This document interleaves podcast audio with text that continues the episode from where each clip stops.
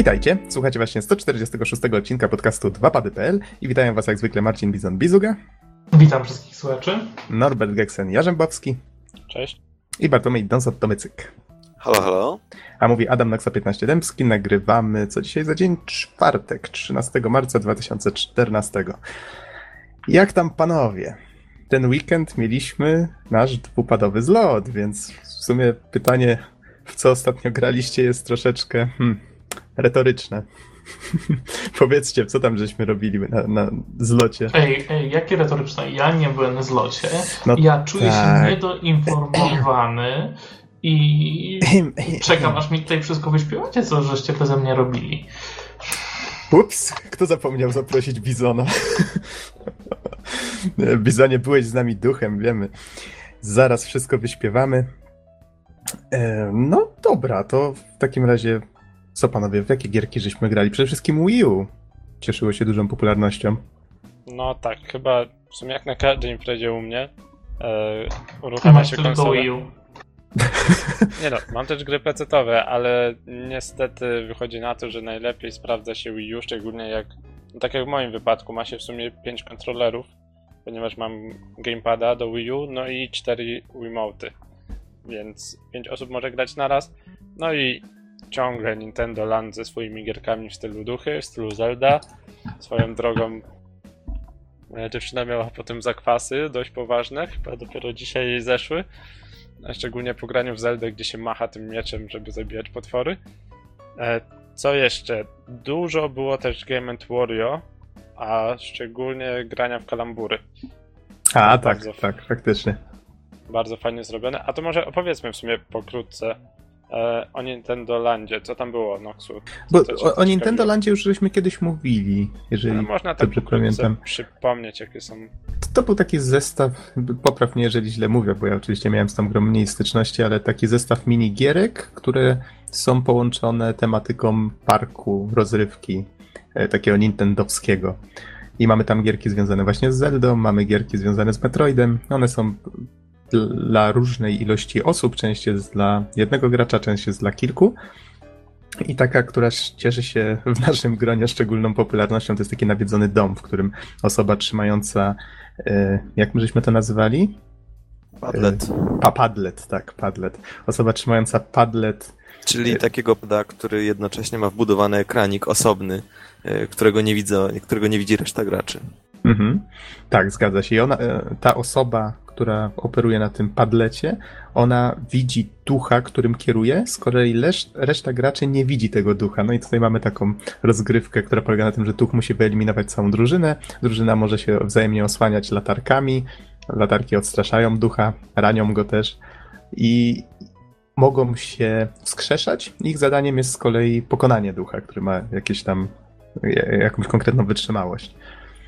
Poza tym Zelda, o której tutaj Norbert wspomniałeś, to, to bardziej taki, taki celowniczek, czyli że postacie poruszają się same, a my machamy mieczami, zakrywamy się tarczami i osoba z padletem w tym przypadku była łucznikiem.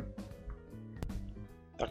Ja tam nie pamiętam, czy jeszcze w jakąś gierkę z tego Nintendo Landa żeśmy akurat w ten weekend... Wyganianie. E, jedna osoba z padletem A, a, ma a. widok e, tak jakby od góry kamery plus widok od przodu swojej postaci. Przy czym na tym widoku od góry widzi też pozostałych graczy i jej zadaniem jest uciekanie przed tymi pozostałymi graczami. Została tam czwórka czy, czy no il- ilość tam graczy. Ich zadaniem jest złapać tą osobę. Mhm, taka zabawa w ganianego, ale strasznie fajnie zrobiona. I jeszcze chyba żeśmy w cukierki grali. Tak, przy czym cukierki jakoś krótko. E, czyli zbieranie cukierków. Jedna osoba ma dwóch strażników równocześnie.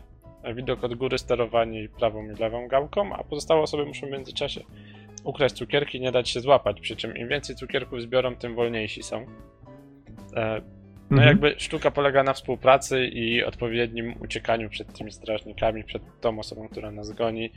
E, Te osoby mogą jeszcze wyrzucać oczywiście cukierki. Jeżeli są za ciężkie, to żeby uciec tym strażnikom mogą wyrzucić trochę balastu. E, Z kolei, Taka żeby, taktyka. mhm.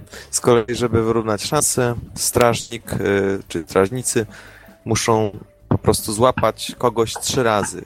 W takim sensie, że jeśli strażnik złapie dowolnego e, gracza, e, no to wtedy ten na chwilę zaczyna migać. I wtedy toli się jedno złapanie, no i takie zła trzy złapania dokonane w zasadzie każde na dowolnym graczu powodują, że, że wygrywają, wy wygrywają strażnicy. Ale ta gra w zasadzie muszę powiedzieć, że cieszyła się średnim powodzeniem, dlatego że z jednej strony kontrolowanie strażników jest dosyć trudne, więc albo się szybko kończyło zwycięzcą, e, zwycięstwem e, złodziei cukierków, albo się kończyło szybkim zwycięstwem strażników. I w zasadzie raczej z Luigi Mansion, bo chyba tego przeróbką są duchy właśnie, o których mówimy, e, nie miała ta gra szans najmniejszych. No ale tutaj podsumowując może ten Nintendo Land, bo już tutaj bardziej żeśmy się zagłębiali w te wszystkie minigierki tam dostępne kiedyś wcześniej, e, to jest to myślę bardzo fajna właśnie tego typu gra imprezowa, tylko tak jak Norbert wspomniał, trzeba mieć trzeba mieć dużo kontrolerów najlepiej, czyli jeżeli ktoś już miał wcześniej Wii na przykład, ma te wszystkie Wiloty, e, często też nunchaki, to, to na pewno się tutaj też przydadzą. Ale ja też pamiętam, że żeśmy grali w tego nowego Mario, 3D e, World. To, to no, było, graliśmy, graliśmy. To, to, to, zaskakująco fajnie się sprawdziło. Muszę przyznać, że nie, nie zawiodłem się na tej gierce, wygląda bardzo fajnie. E, poza tym gameplay, każdy właściwie etap to jest jakiś nowy pomysł, nowy, nowa mechanika drobna i to wszystko tak fajnie są współgra. Jak żeśmy w czterech tam latali, to no, było to bardzo, bardzo sympatyczne. Raczej nie było, nie, nie, wiem, przynajmniej ja miałem takie wrażenie, że nie było takich sytuacji, że na ekranie działo się zbyt dużo, żeby się połapać.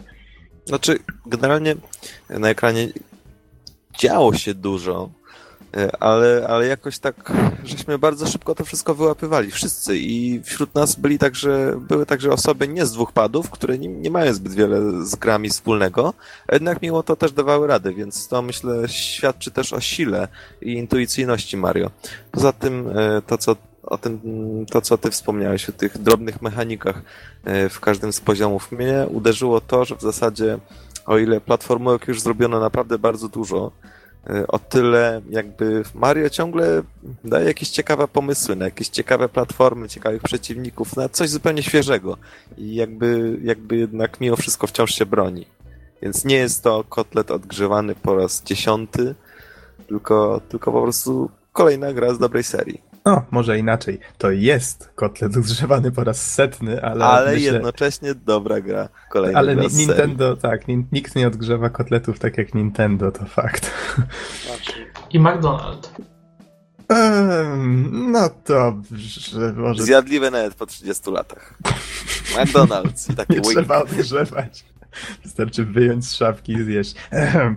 Okay. I wytrzeć z kurzu. Tak, zdmuchnąć. To znaczy, chyba warto też wspomnieć o tym, że każdy etap w tym Mario tak naprawdę jest inny. W jednym, mm -hmm. nie wiem czy pamiętacie, gdzieś tam na jakimś smoku sunęliśmy w dół, e, w drugim, nie wiem, były jakieś takie w sumie wszędzie były platformy, tak? No, w innym były coś takiego. w innym jakieś tam bujające się platformy, że one się przechylały, jeżeli ktoś stanął na jednej krawędzi, no to wtedy ona się w tą stronę przechylała. Pamiętam jeszcze w innym były takie takie jakby obręcze obłożone kolcami, które wędrowały po planszy w taki specyficzny sposób. Z boku no. na bok się przekręcały i trzeba było tego unikać. Dokładnie. W zasadzie to były takie ramki. O, to chyba A, lepsze Ale to, to była taka fajna designerska decyzja, bo z reguły można robić oczywiście tak, że miesza się różne takie pomysły, prawda, w obrębie różnych etapów.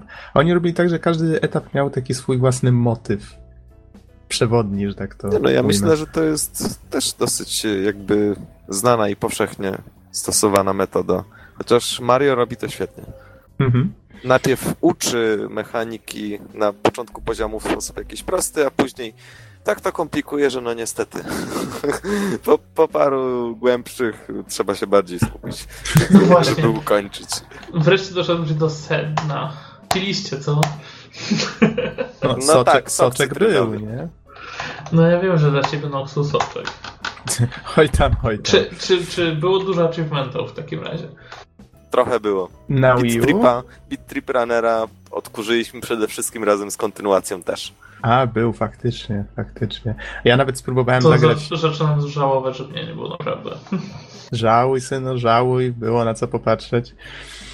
Ja jeszcze tak e, osobiście sprawdziłem z jakieś 15 minut ten E, Super Metroida, jak się gra w te stare gry na, na Wii U. Ja muszę przyznać, też jest to strasznie fajne. Zwłaszcza, że najchętniej to bym w ogóle nie grał na telewizorze, tylko właśnie na tym padlecie. To, to jest ciekawe zjawisko. No, Właśnie to po to został wynaleziony Nintendo 3DS czy PS Vita. Ale wiesz, możesz tutaj grać sobie, mi się zdarzyło tak kilka razy, że grasz się w pełną grę, tak? Na mhm. swoim tablecie. W sumie na PS teraz też można tak w połączeniu z PS4. Więc jest to jakaś opcja, ale masz to tutaj w zestawie. A w co I konkretnego grałeś akurat? Powiem ci, w tym momencie nie pamiętam. W Call of Duty może? W Call of Duty być może też. Poczekaj, muszę tak spojrzeć na półkę. Co ja wtedy grałem? Wiem, że w coś tak maniakalnie grałem, ale... Nie wiem, w tym momencie sobie nie przypomnę. Nie wiem, czy nie w Pikminy? W każdym razie jest kilka gier, w które można grać sobie spokojnie w ten, w ten sposób. Nie, nie pamiętam teraz dokładnie, to może nie będę wchodził w szczegóły. Mhm. A wiecie co? Jeszcze taka rzecz, o której żeśmy zapomnieli, a w którą żeśmy w sumie wcześniej na imprezach nie grali. Mianowicie wyciągnąłeś, Norbert, e, Wii Fit. Tą tak. platformę taką do ćwiczeń. Tak, przecież było to stare Wii Fit jeszcze z Wii, a nie z Wii U. No bo Aha. to nowa wersja, to warto wspomnieć. I, I tutaj pokazałeś, no znaczy musieliśmy przejść tą konfigurację Wii Fit, tak? To ja byłem tutaj królikiem doświadczalnym żeśmy się zorientowali, że zważenie się nie jest wcale takie proste. Error, error, error, ale w końcu się udało. I potem pokazałeś takie fajne gierki, które wykorzystywały właśnie te platformy. Trzeba było jeździć na rowerze, jakieś tak balansując właśnie jedną nogą raz drugą. E, co tam jeszcze było? Fruwanie. Latanie było... kurczakiem, to tak, było też całkiem ciekawe. Machanie rękoma, żeby zwiększać tak, i zmniejszać nacisk. A także jakby balansowanie, jakby przenoszenie ciężaru całego ciała, żeby na przykład lecieć do przodu, pochylać tak, się tak. w bok lewo, prawo. Było to całkiem ciekawie zrobione. Znaczy w sumie doszliśmy do wspólnego wniosku, że to jest taka bardziej taka bardziej zabawka, żeby zmotywować troszeczkę do poruszania się niż jakieś poważne narzędzie do ćwiczeń, co nie? Ale... Mhm. To znaczy, wspomniałbym o tym, że my nie uruchamialiśmy Aha. tych rzeczy do ćwiczeń. To były tylko te gierki rozrywkowe bardziej, poza tym masz jogę i masz muscle workout.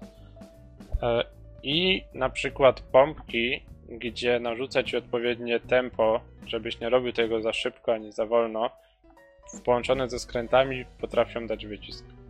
Aha, okej. Okay. Wow. Z, z, jogą to pamiętam, była jedna taka minigierka polegająca na tym, że nie można się było ruszać i czułość zwiększała się co chwilę i trzeba było uważać, żeby płomień na ekranie świeczki nie zniknął, tak? To znaczy nie, to też jeszcze nie była yoga, to też była Aha. jedna z tych minigierek bardziej do zabawy, tak? No bo okay. tamte, tamtych dostajesz takiego jakby wirtualnego trenera, który ci dokładnie pokazuje, jak wykonywać ćwiczenie. E, masz wszystko robione, wiesz, na odpowiednie czasy. Tak jak mówię, no w przypadku pompek, czy nie wiem, na przykład e, tak zwanych scyzoryków, ćwiczenie takie na brzuch, no to, że przez 3 sekundy musisz wytrzymać w danej pozycji, tak, no to, to troszkę motywuje, plus pilnuje za ciebie czasu. Coś, co robiąc samemu raczej jest ciężko zrobić. Ale to w takim razie fajnie, że Nintendo zadbało o to, że to narzędzie można wykorzystać też do takich imprezowych celów. To, to w sumie fajne, fajne. Tak, no to była ta główna zmiana związana z plusem, czyli te, te bardziej gierki imprezowe. Mhm. Okej, okay, to czy jeszcze o czymś żeśmy zapomnieli, czy bo mamy tutaj jeszcze, jeszcze trochę newsów przed nami. No właśnie, myślę, że chyba możemy powoli zamknąć ten temat, chyba że Bizon chciałby się jeszcze tak, doinformować. Bizonie, jakieś pytania masz? Kiedy powtórka, no? Jak najszybciej. Jutro. Jak najszybciej, Bizonie. Okej, okay, w takim razie myślę, że możemy przechodzić dalej. Najpierw, nim zapomnę, mała errata, czyli powrócimy do... A właśnie, to mogę ja o tym powiedzieć Okej, okay, czyli wrócimy do, tylko powiem, y, Steam Family Sharing, bo żeśmy no palnęli jedną rzecz -hmm. poprzednio, trzeba to sprostować. Mm, ja z Gaksenem w sumie testowaliśmy już ten mechanizm na takiej zasadzie, że Gaksen udostępnił mi swoją bibliotekę, co jest bardzo miłe, dziękuję bardzo. Y, w każdym razie y, na ostatnim podcaście stwierdziliśmy, że że jeśli jesteś tym, który dzieli pasywnie, czyli do, otrzymuje bibliotekę gier, to jest się wyrzucanym e, z gry tylko wtedy, kiedy użytkownik, ten, który dzieli aktywnie, czyli ten, który daje, e, korzysta z tej samej gry. Niestety jest to błąd, wprowadzenie w błąd. To znaczy, mm, możemy, ten, który no, dostaje gry, może korzystać sobie z biblioteki, oczywiście całkiem dowolnie, ściągać gry i tak dalej, ale jeśli prawowity właściciel gier zaloguje się na swoje konto i uruchomi którąś ze swoich gier, nieważne którą, wtedy automatycznie to wyłącza możliwość ustania z jego biblioteki. Wyskakuje komunikat, że y, biblioteka gier jest właśnie w użyciu, no i właśnie nie można z niej korzystać. Można wznowić korzystanie z niej dopiero wtedy, gdy prawowity właściciel no, przestanie grać, krótko mówiąc. E, tak, tak, tylko, Natomiast tu... jeszcze, mhm. jeszcze wspomnę tylko na szybko, że wszystkie gry, które właśnie na zasadzie dzielenia dostajemy, możemy uruchomić tylko w trybie online. Czyli odpadają tutaj wszelkie próby oszukania Steama w sensie. E, jeśli uruchomię Steama w trybie offline, to wtedy on nie wykryje, że ktoś gra. I będę mógł wykorzystać właśnie. Mhm. E, wiesz, Don, może tutaj się troszeczkę pogubiłem, ale bo poprzednio żeśmy powiedzieli, że tak jak wspomniałeś, dzielenie aktywne i dzielenie pasywne, ja bym to nazwał może bardziej odbiorca i, i nadawca, tak? No tak, tak. To, ten, który daje i ten, który otrzymuje. Tak, to ci, którzy pożyczają naszą bibliotekę, czyli te maksymalnie pięć osób, to my żeśmy wspomnieli, że oni mogą grać, korzystać z tej biblioteki mm, nie przeszkadzając sobie.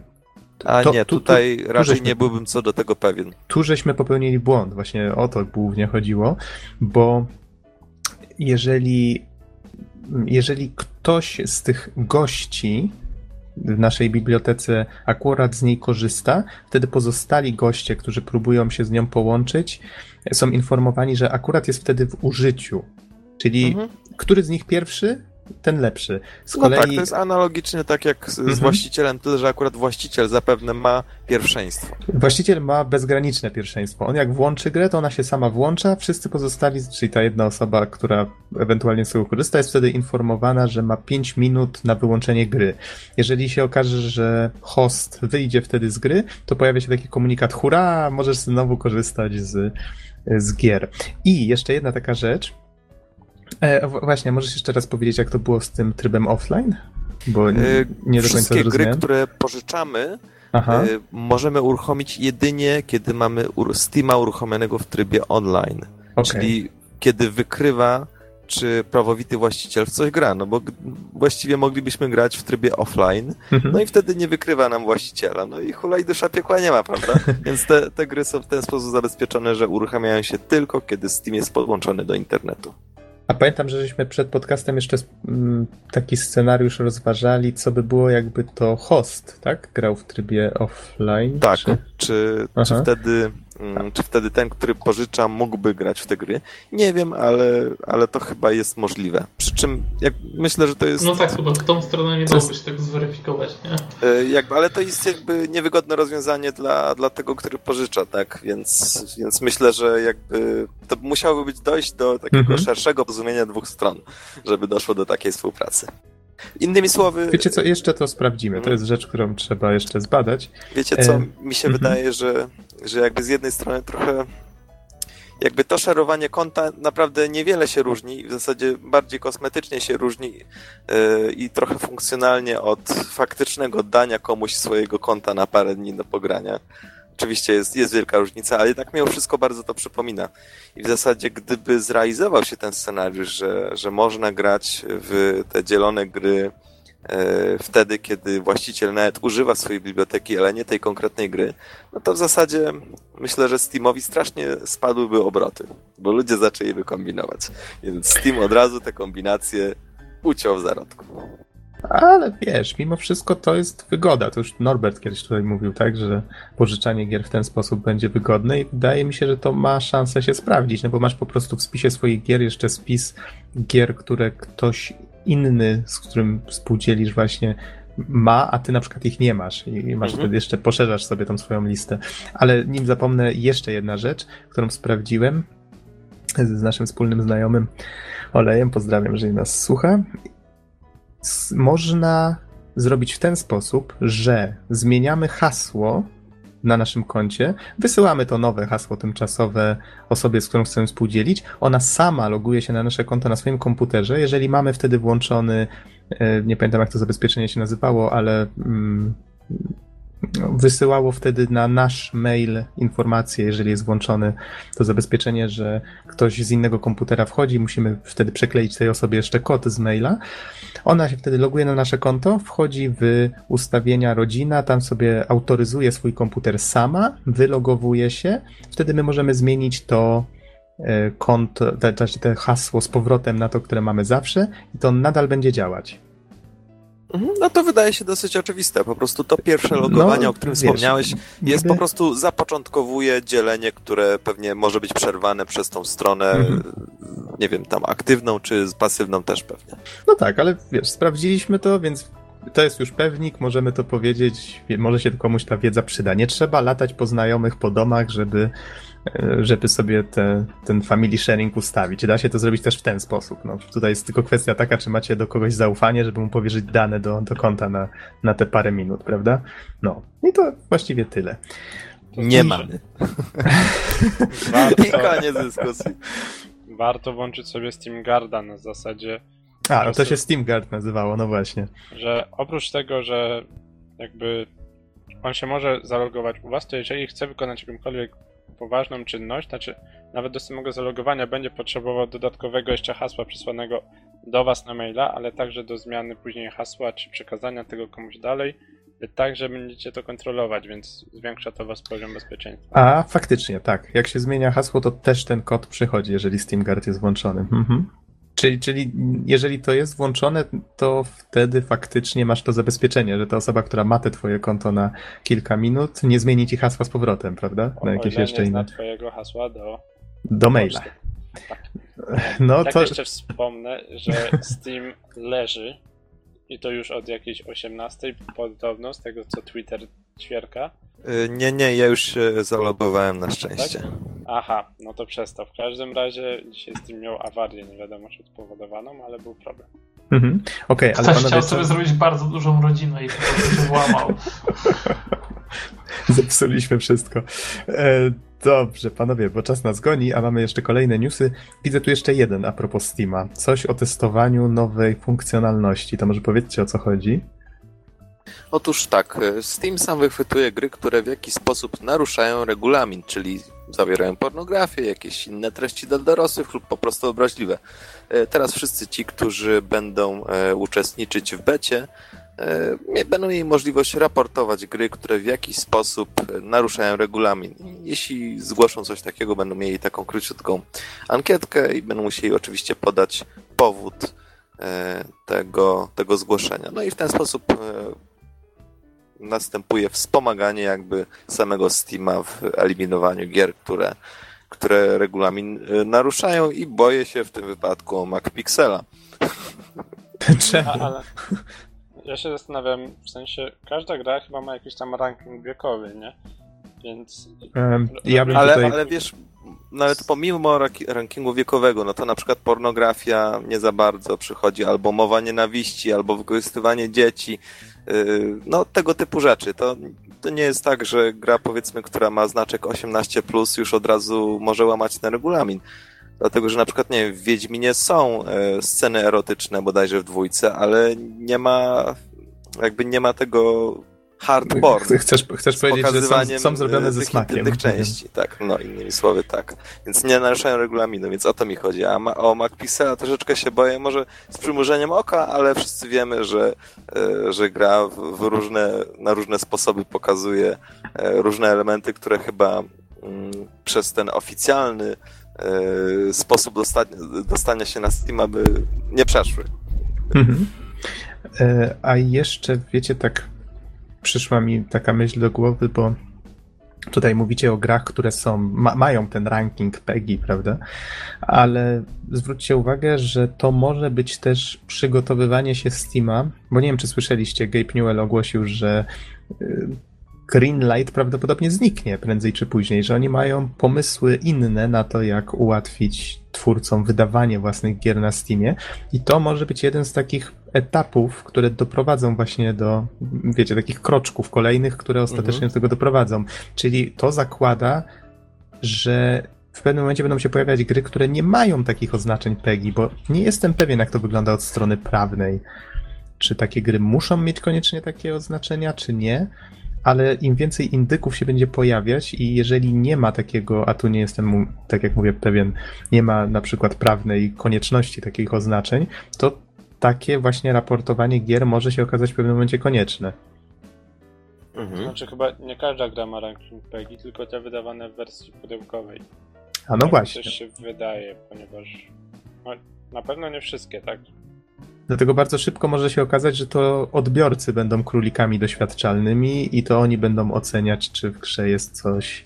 Ja to się troszkę boję, bo jeżeli będzie jakaś gra bardziej kontrowersyjna, a słyszałem szczególnie o japońskich produkcjach, które no nie wiem, no przykład ukazują seks ludzi niepełnosprawnych, tak, i życie, ale no bardziej w tym kontekście wiadomo, to coś takiego na Steamie by już nie przeszło, z tego co słyszę. A gra się, owszem, zawiera takie sceny, ale podobno opiera się głównie o to, co, jak to wygląda, jak to się rozgrywa w ich psychice i tak dalej. Mhm. Znaczy, wiesz, tu może dojść też do nadużyć innego rodzaju. Mamy na przykład Metacritica, na którym wiele osób na przykład daje ocenę 0 po coś tam. Jest... No i się rozlewa masowy hejt, który no, tak. no, może strasznie zaniżyć ocenę gry, która jest no, jakby warta więcej. I Powiedzmy... w ten sposób było SimCity najnowsza afera. Zabawne, że o tym wspominasz, bo właśnie chciałem powiedzieć, że wyobraźcie sobie, co by było, gdyby ten system już istniał i właśnie się ukazało na przykład, chociaż nie, SimCity i inne gry i jej chyba w ogóle się nie ukazują teraz na Steamie, nie? No ale załóżmy, żeby się miało ukazać na Steamie i nagle się wszyscy odkrywają, że muszą się łączyć z internetem, powiedzmy, żeby móc grać, nie ma trybu offline, coś tam leje się hate i na przykład wszyscy zaznaczają, że gra zawiera jakieś, tutaj mam na przykład this software modifies a customer's computer in unexpected or harmful ways, co nie? I wszyscy sobie zaznaczają tak no tak, żeby że wyeliminować grę, że na pewno Steam, ben, znaczy Valve będzie robić coś takiego, że jeśli gra zostanie e, w jakiś sposób zakomunikowana, zgłoszona, no to zajmą się tą sprawą, a nie bezrefleksyjnie -hmm. ją będą wywalać. Też do, do, takiej sytuacji nie chciałbym doprowadzić, dlatego że no w ten sposób wszelkie fale hejtu mogłyby eliminować kolejne gry. Mhm. No tak, też mam taką nadzieję, chociaż wiesz jak to jest, zapewne system będzie działał w ten sposób, że jeżeli poleje się taka fala, to on najpierw zablokuje, a potem będą to wyjaśniać. Nie? To mm. Da się na pewno takie rzeczy też przewidzieć. No ale okej, okay. zostawmy to, to takie spekulacje. To, jak rozumiem, jest w becie w tej chwili, tak? Tak. Okej, okay. czyli zobaczymy jeszcze, jak to się będzie rozwijać. Z kolei przejdźmy troszeczkę na polskie podwórko. A z kolei już przechodzimy troszeczkę do tematyki e, Game Developers Conference, która zaraz patrzę, kiedy to się miało odbywać. Od 17 do 21 marca, czyli. San Francisco. Tak, 17 to który to jest? To jest poniedziałek, to jest lata dzień. I co my tutaj mamy? Przede wszystkim nie jestem pewien, czy ta gra akurat będzie tam prezentowana, ale coś tak gdzieś wyczytałem. E, This War of Mine gra od 11-bit Studios, czyli polskiego studia. Y, niedawno pojawił się, tak, chyba, chyba mają ją pokazywać właśnie na GDC, bo to coś tak czytałem, że ten teaser, który się teraz pojawił, zamieścimy go pod podcastem, to on, on ma jakby zachęcać do tego, żeby śledzić dalsze doniesienia na temat gry i za tydzień właśnie mają się pojawić jakieś, czyli prawdopodobnie chodziło o GDC. I to myślę, że Don, ty, ty może tutaj wspomnieć, bo tutaj mamy taki ciekawy, ciekawy przypadek odwrócenia ról. Tak, gdyż no, w wielu grach mamy do czynienia z wojną. Zarówno jako sterujemy jakimś pojedynczym żołnierzem e, różnych klas, e, jak na przykład w wojskach pancernych, lotniczych, morskich, albo po prostu wisimy nad polem bitwy i zarządzamy całym tym chaosem. Natomiast e, The, This War of Mine w zasadzie próbuje pokazać zupełnie inną. Halo, halo, Don, ucichłeś na moment. Coś cię przerwało, Don. Nie, nie słychać cię, Don, dalej, niestety. Okej, okay. to co, Pizonie, opowiadamy dowcipy, tak? Znowu. Nie no, to ja w takim razie zajmę chwilkę, przeskoczę chwilowo do kącika Xboxa. Jak, jak zwykle bez zapowiedzi, Bizonie. Jak no, zwykle my tu mamy zapowiedzi. harmonogram, no. Kącik Xboxa zawsze jest bez zapowiedzi i to jest uwzględnione w harmonogramie. No. Dobrze. Leci, lecimy z tym koksem. No to stało się. pierwszy użytkownik, Stalion, o którym już wspominałem nieraz, e, osiągnął swój życiowy cel i w końcu dobił do miliona punktów GameScore. E, o, jeszcze raz, o kim mówimy? E, Stalion to jest taki ziomeczek, który sobie postanowił, że, że wbije milion punktów GameScore na Xboxie, tak, za achievementy i, i w końcu osiągnął ten cel. Trzeba wspomnieć, że od 2006 roku jest on też jednocześnie posiadaczem no, tytułu Guinnessa, tak? Aha. jeżeli chodzi o wysokość gamescore'u. A, a powiedz mi, tak przerwę ci może brutalnie, il, na ile gier przekłada się ten gamescore? Yy, powiem ci, że nie wiem, bym musiał sprawdzić. Aha. Ale no sporo, no. obstawiamy, że większość z tego to pewnie... Znaczy, właśnie to trzeba obstawić, że on musiał ograć większość pozycji dostępnych, tak, żeby no jednak wbić ten milion, bo to... Halo, halo, wróciliśmy. Nie, nie jest łatwo. Okej, okay, Strasz, to... Strasznie dużo punktów. Już cię słyszymy, Don, to teraz ten, skończymy tylko z Bizonem kącik Xboxowy. Okay. No, więc taka ciekawostka, zarazem naprawdę gratulacje zaparcia i braku życia osobistego lecą dla Staliona. Mówić.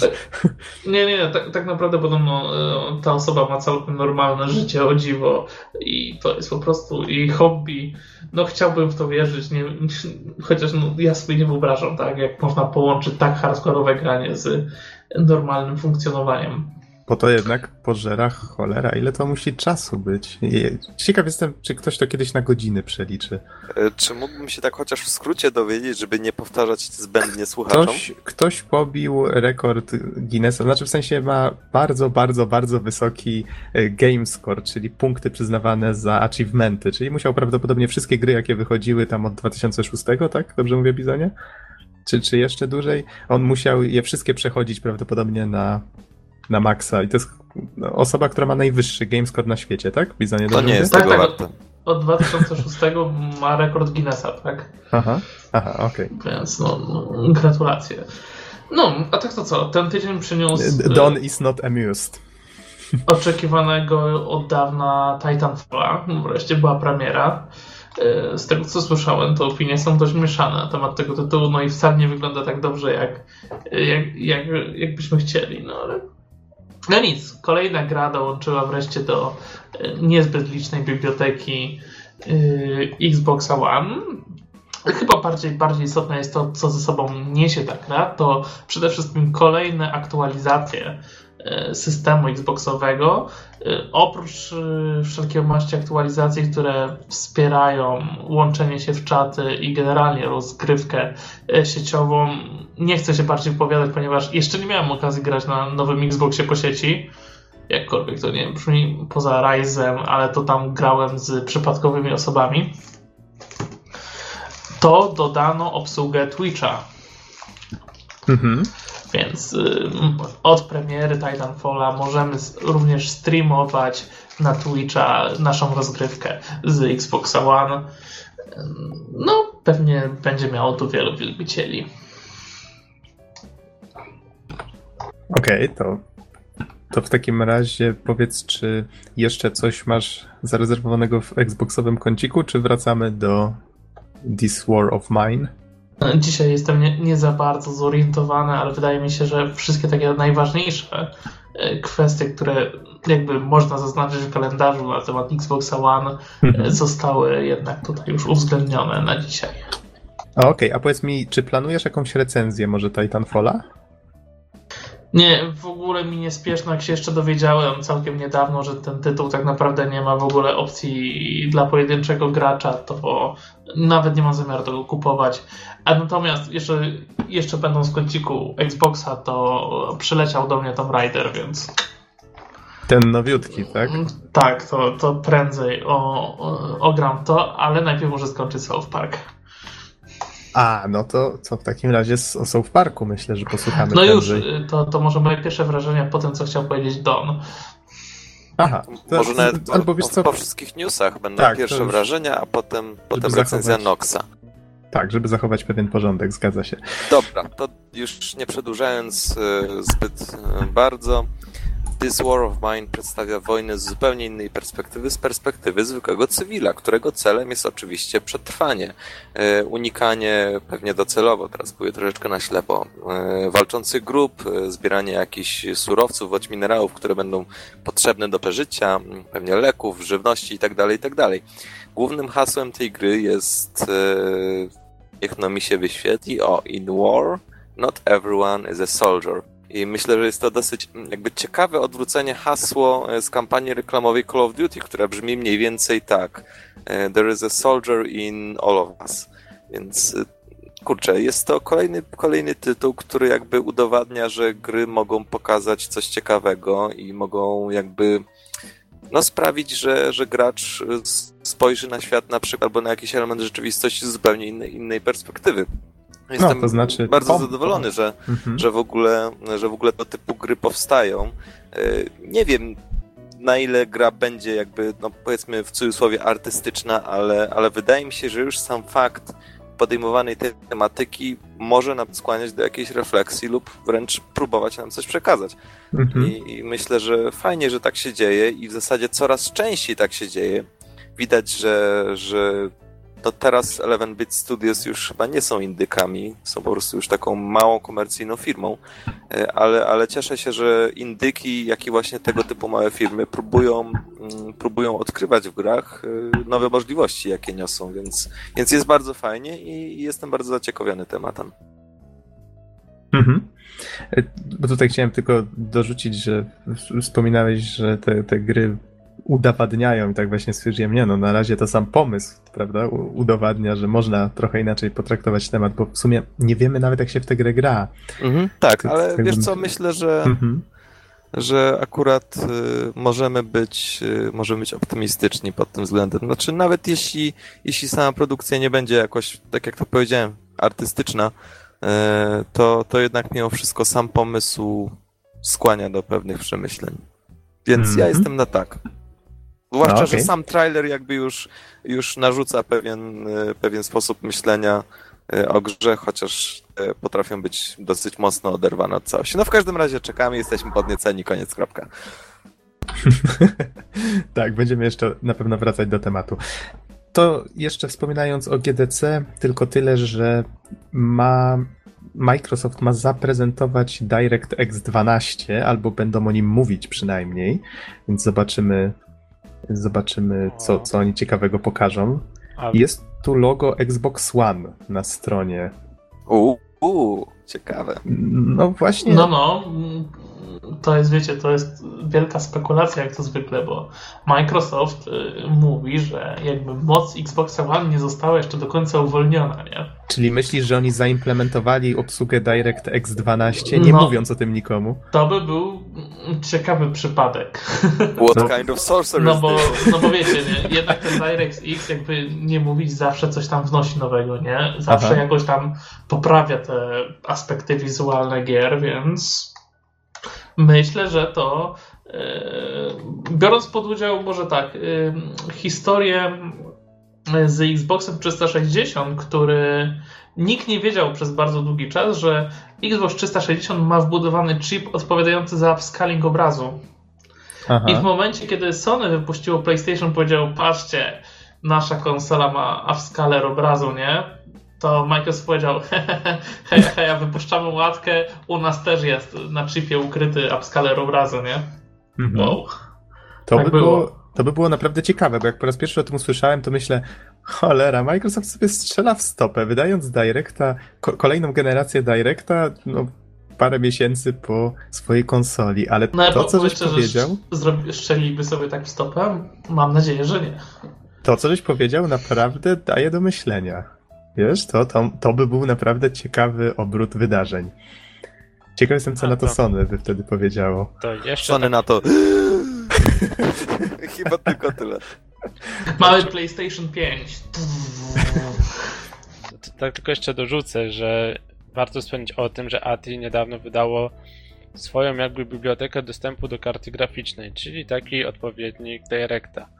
Przy czym oni dodatkowo wykorzystują tą moc ukrytą w, procesorze i w tym, że obecnie procesory mają karty tam graficzne wbudowane i powiem wam, że potrafi to dać 10 nawet do 20% dodatkowej wydajności w stosunku do GeForce'ów takie połączenie. Tylko mało E, która gra to obsługuje.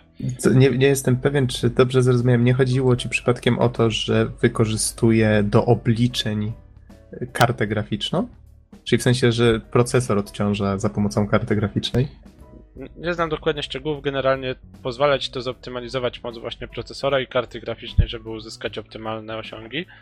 E, No i Mhm. uzysk jest spory, Battlefield to obsługuje i tam były właśnie różnice na poziomie 10-20%, więc e, no tutaj ten Direct też może być ważny z tego punktu widzenia, tak, że trzeba odpowiedzieć na to, co pokazało ATI, szczególnie nie tyle dla Microsoftu jest to ważne, co dla Nvidia. Okej. Y, Dobrze. I chyba, że macie coś jeszcze do dodania o, o DirectXie, jakichś takich sprzętowych rzeczach, bo tutaj mam jeszcze jeden news związany z A GDC. Sony na to, oh noes! No, no.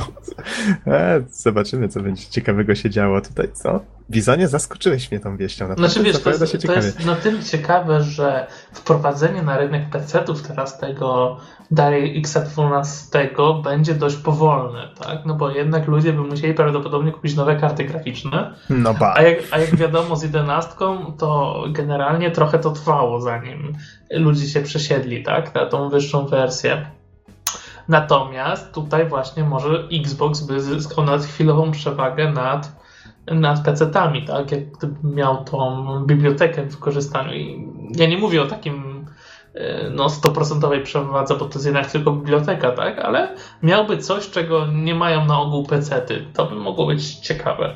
Tylko warto wspomnieć o tym, że te fajerwerki z nowych Directów często zżerają tyle mocy, że Tak. są szczególnie na początku, tak? Po pierwsze, mało gier je wspiera, dlatego też mało kto kupuje te karty od razu.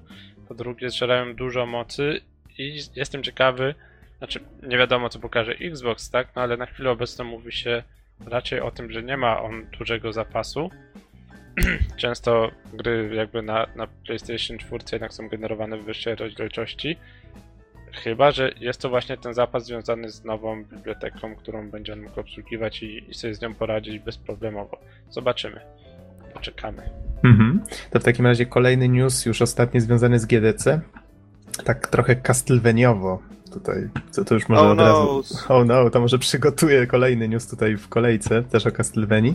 Mianowicie, mówiłem wam, że po tym jak Lords of Shadow 2 wyszło i Hiszpanie już powiedzieli, że nie planują y, dalej robić kolejnych części, chcą zająć się czymś innym, to zastanawiałem się, co Konami planuje. Na razie nadal nie wiadomo, co planują, ale Koji Igarashi, czyli producent, no właściwie wielu Castlevanii, głównie Metroidvanie, czyli te wszystkie takie z otwartym y, terenem działań, te wszystkie platformówki, to on właściwie był znany właśnie z tego, że był producentem Castlevanii przez dużo, dużo lat i on w końcu wyszedł z cienia po tych paru latach nieobecności i ma się pojawić na GDC, ma prowadzić panel, który już patrzę, jak to się nazywało, There and Back Again, Koji Igarashi's Metroidvania Tale, czyli tam i z powrotem opowieść Kojiego Igarashiego o Metroidvanii. No, ciekawe, znaczy, wiecie, to może nic nie oznaczać, to może być po prostu panel o, o tym, jak tworzyć takie gry, ale z drugiej strony, może tutaj Konami coś próbuje przy okazji zasugerować, co nie, że on tam znowu się będzie tym zajmował. Nie wiem, myślę, że Powiem ci tak, Nox. Chciałbyś po prostu. I to jest twoja chora wyobraźnia. Wiesz, ja. Nie, to powiem, tutaj akurat się mylisz. To ja jestem otwarty na różne scenariusze.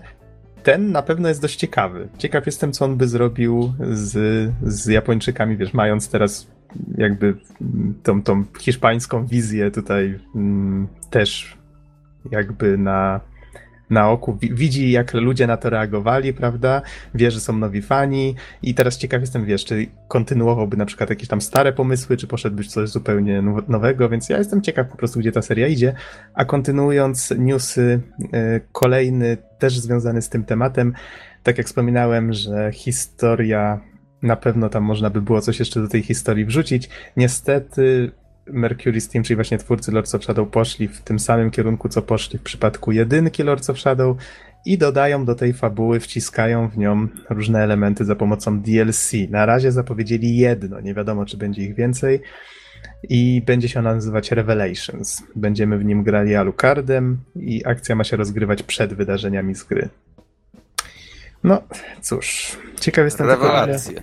Tak, miesiąc po premierze. I ciekaw jestem, czy zapowiedzieli to DLC tak szybko tylko dlatego, że fani mm, znaleźli w plikach tekstowych gry, że takie DLC powstaje.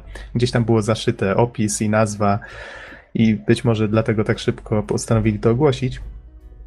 E, Ale no, moim zdaniem to jest trochę bezczelne na zasadzie, wiecie, czemu to się nie znalazło od razu? Z jednej strony owszem, inna postać i tak dalej, ale pewnie dałoby się to wpleść od razu. Tak miesiąc po premierze to taki trochę niesmak. bierzmy pod uwagę, że jeżeli to jest publikowane miesiąc po premierze, to to już było na 100% gotowe na premierę gry. To jest za szybko po prostu. W przypadku Lords of Shadow 1 oni się bronili marketingowo w ten sposób, że okej, mamy dwa DLC, tam każde po półtorej godzinki, za oba łącznie zapłaciłem chyba 70 zł? Nie pamiętam, a to była kupa szmalu. I one właściwie opowiadały finał gry dodały powiedzmy tam jakieś dwa rozdziały i to była właściwie taka finałowa, finałowa walka dodatkowo, więc jak ktoś chciał poznać prawdziwe zakończenie pierwszego Lords of Shadow, musiał przejść DLC. No tutaj jest prolog, co prawda, znaczy prolog, prequel teoretycznie, ale no nikt nie powiedział, że nie dodadzą kolejnego DLC, prawda? I o ile wtedy się bronili, że trzeba było na to DLC czekać i, i tak dalej, że oni muszą to wszystko przygotować, tak teraz wcale nie wiadomo, czy tak było. Może wtedy też mieli to wszystko gotowe, nie? Teraz po prostu może postanowili, że to wypuszczą szybciej, bo, bo już znaleziono informacje o tym. Nie wiem. Nie narzekałbym, gdyby to było darmowe, ale na pewno nie będzie. Średnio mi się to podoba, no ale jako fan na pewno i tak kupię i tak, więc nie mam tu co do gadania. Nie masz wyboru. Tak, e, a propos braku wyboru, Dark Souls 2, du, du, dum. Powstała taka ciekawa stronka. Aha, e, Zresztą podobne inicjatywy ponoć w przypadku Dark, Dark Souls 1 wyszły od fanów. Tym razem e, autorzy postanowili zrobić coś swojego e, i stworzyli taką stronkę, która spisuje statystyki e, jakby wspólne graczy e, właśnie z Dark Souls 2, zarówno na PS3, jak i, e, jak i Xbox One.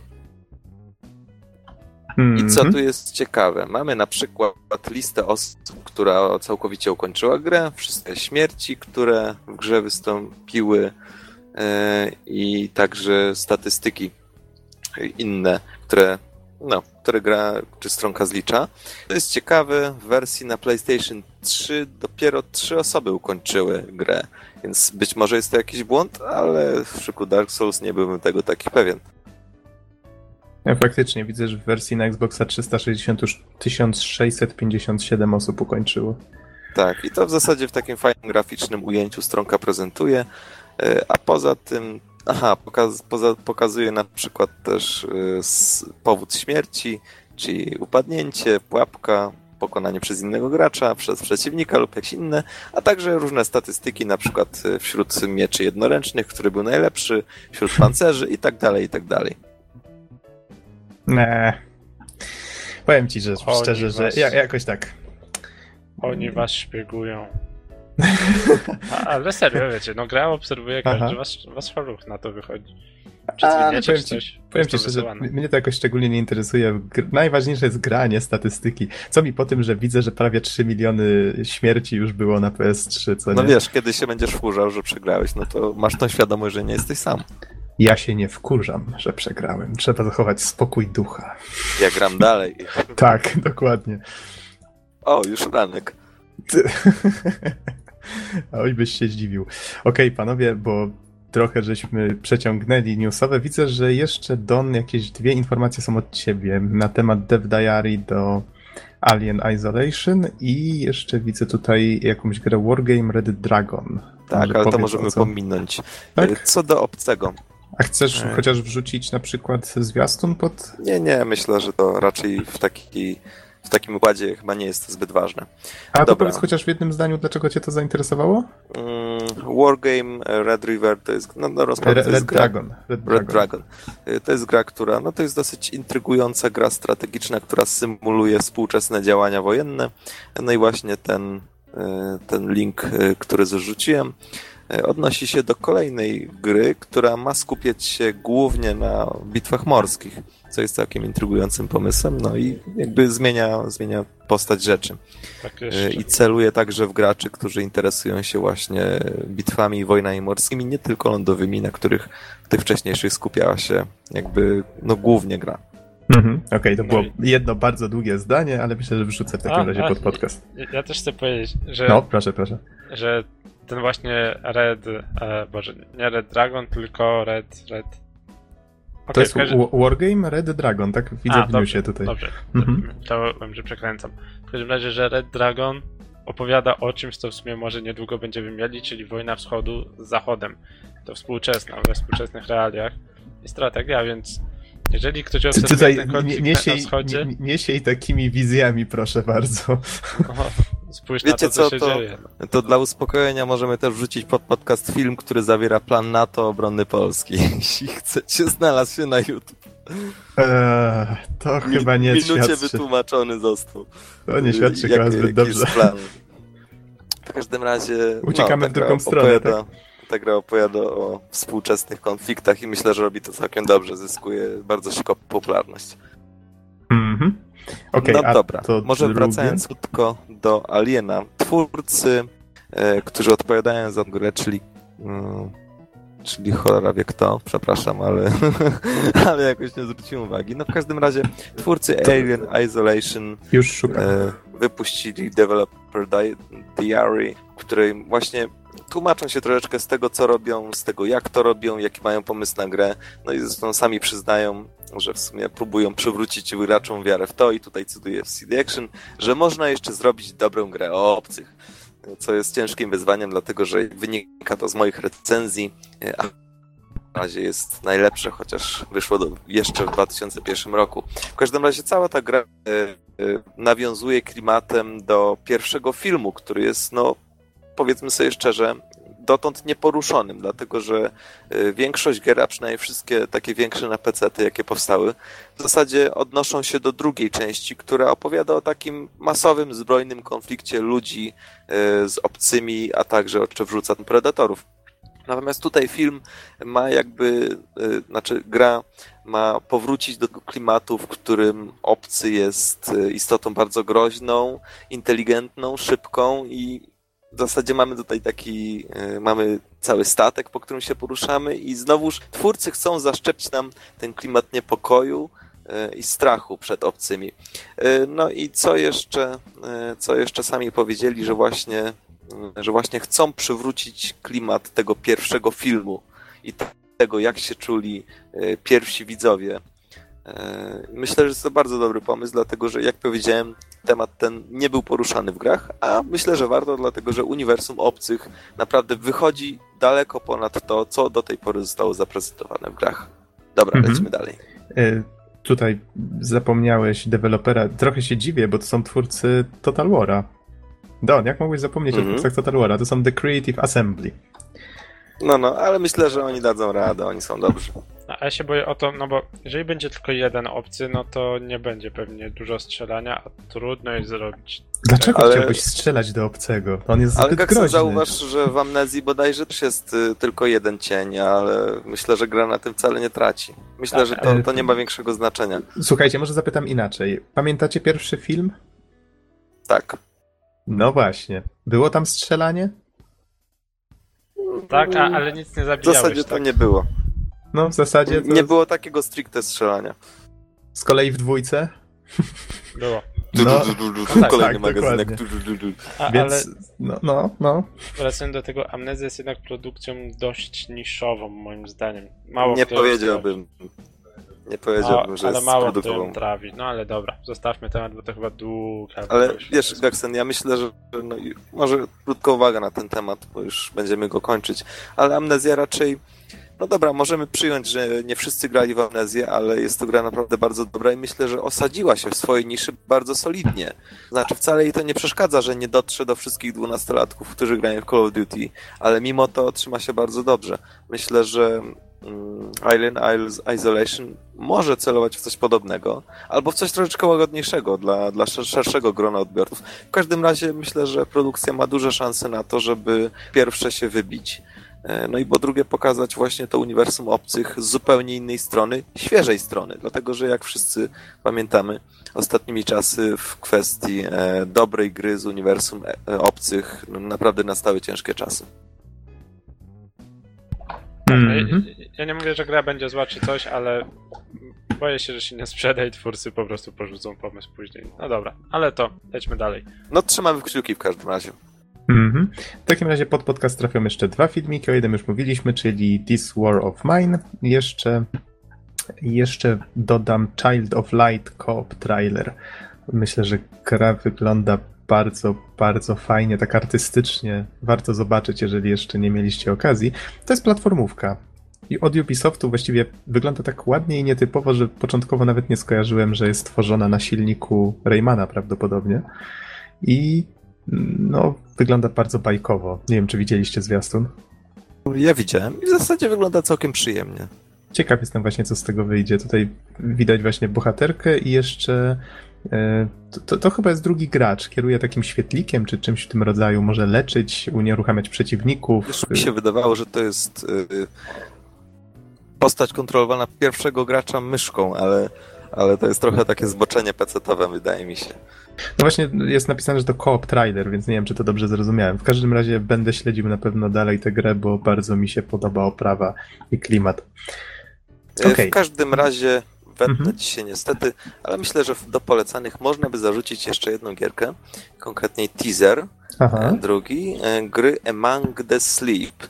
To jest horror, który bardzo przypomina, no cóż, amnezję i mechanikę amnezji, ale mm, wyróżnia się tym, że e, w roli głównej obsadzono dwulatka, który jest sam w nocy w, w domu. No właśnie, widzimy wszystko z jego perspektywy, a gra próbuje nam nieźle napędzić stracha, więc, e, więc, więc, więc myślę, że jest całkiem klimatycznie, całkiem ciekawie i być może warto sprawdzić. I co, i potem dzieciakowi narobić na całe życie wizyt u psychologa, tak? No cóż, wiesz, to, to muszą być ofiary, tak? To jest wojna. E, to chyba nie tak grę, okej. Okay. Ale wiesz, słyszałem, słyszałem już o tym. To fajnie, że to nie zostało porzucone, bo tam słyszałem, że jakieś problemy mieli. Nie jestem pewien, czy na pewno o tej grze myślę, ale, ale to chyba było to. A, właśnie. Jakieś tak demo widziałem właśnie w kuchni, że było widać właśnie z kamery z perspektywy małego dziecka i tak e, było zapowiadane, że to horror. jest dostępna wersja alfa. Among the Sleep, tak? Tak. Okej. Okay. W każdym razie warto można... się tematem zainteresować. Czy można ją dostać na Steamie, czy? Chyba za darmo. Z tego co tu widzę, bo trafiłem jest... na, na inny. Nie jestem pewien, jak okay, to wygląda, to... więc może po prostu po, pod podcastem będzie tam stosowna informacja, w tak, zależności od tego, jak to wygląda. Jak znajdziesz, to wrzucimy, w razie czego wrócimy jeszcze do tematu, bo tutaj widzę horrory cieszą się w twoim przypadku dużym powodzeniem. Więc nie, jest całkiem jakaś... darmowa. Na Kickstarterze właśnie widziałem stronę i mogę sobie ściągnąć, właśnie ściągam. Ale to jest demo, tak? Nie, to jest wersja alfa. No, czyli, czyli pewnie jakieś takie okrojone demo. No, tak myślę przynajmniej.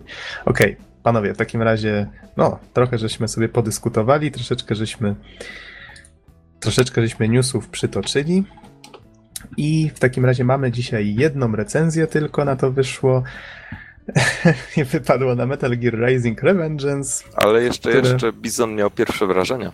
A, właśnie. Bizonie, jak ci się gra w y, South Park The Stick of Truth, czy jak to u nas nazwali, kijek prawdy? O ile jeszcze... Świetnie. Świetnie. Koniec Świetnie. A, a jeszcze nim zaczniesz, na jaką platformę grasz? Xbox 360. Czy to jest ta wersja ocenzurowana? E, tak, europejska wersja jest ocenzurowana. Ale na konsolach? i na PlayStation, tak. Okej, okay, bo tak sporo szumu jest, nawet ja słyszałem, gdzie to tam jest ta cenzura, gdzie nie, bo wszyscy o tym newsy pisali. No to powiedz właśnie, czy mimo tego, że jest ocenzurowana, to dobrze się bawisz? Znaczy, słuchaj, ocenzurowane jest wycięte, jest dosłownie kilka scen, które składają się łącznie na kilka sekund gry. Mhm. Tak, bo to można podawać w sekundach te wycięte sceny. I po prostu chodzi o to, że zamiast pokazania scen, to pojawia się napis na ekranie i to jest generalnie podczas jednej misji, tak? Tylko coś takiego. Bodajże Nawet- z kosmitami, nie? Tak, i nawet nawet y, nie dotarłem jeszcze do tego miejsca, więc Ja czytałem tylko, że to ma tak, coś to- wspólnego z aborcją i sądami analnymi. tak, tak, Tak. tak. Tak to, tak to jako takiej cenzury żadnej nie ma w South Parku, tak? Czyli postacie bluźnią jak powinny i, i humor jest też jak powinien być, tak, w South Parku. Zna- Znaczy taki, do jakiego przywykli fani serialu, chciałeś powiedzieć, Dokładnie, tak? dokładnie. To, to jest bardzo ładne zdanie, które powiedziałeś. To jest po prostu kolejny, bardzo długi, interaktywny odcinek tego serialu, tak? Właściwie można powiedzieć, niektórzy mówią nawet, że to jest po prostu jakby cały sezon, tak? Że, że ta gra długości całego sezonu South Parku i mam nadzieję, że się nie mylą.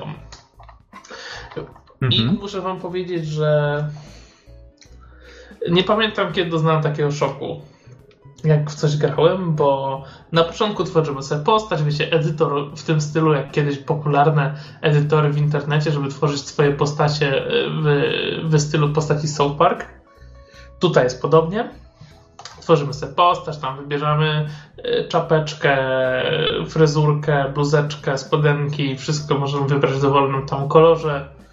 No i to jesteśmy jakby my w, w grze.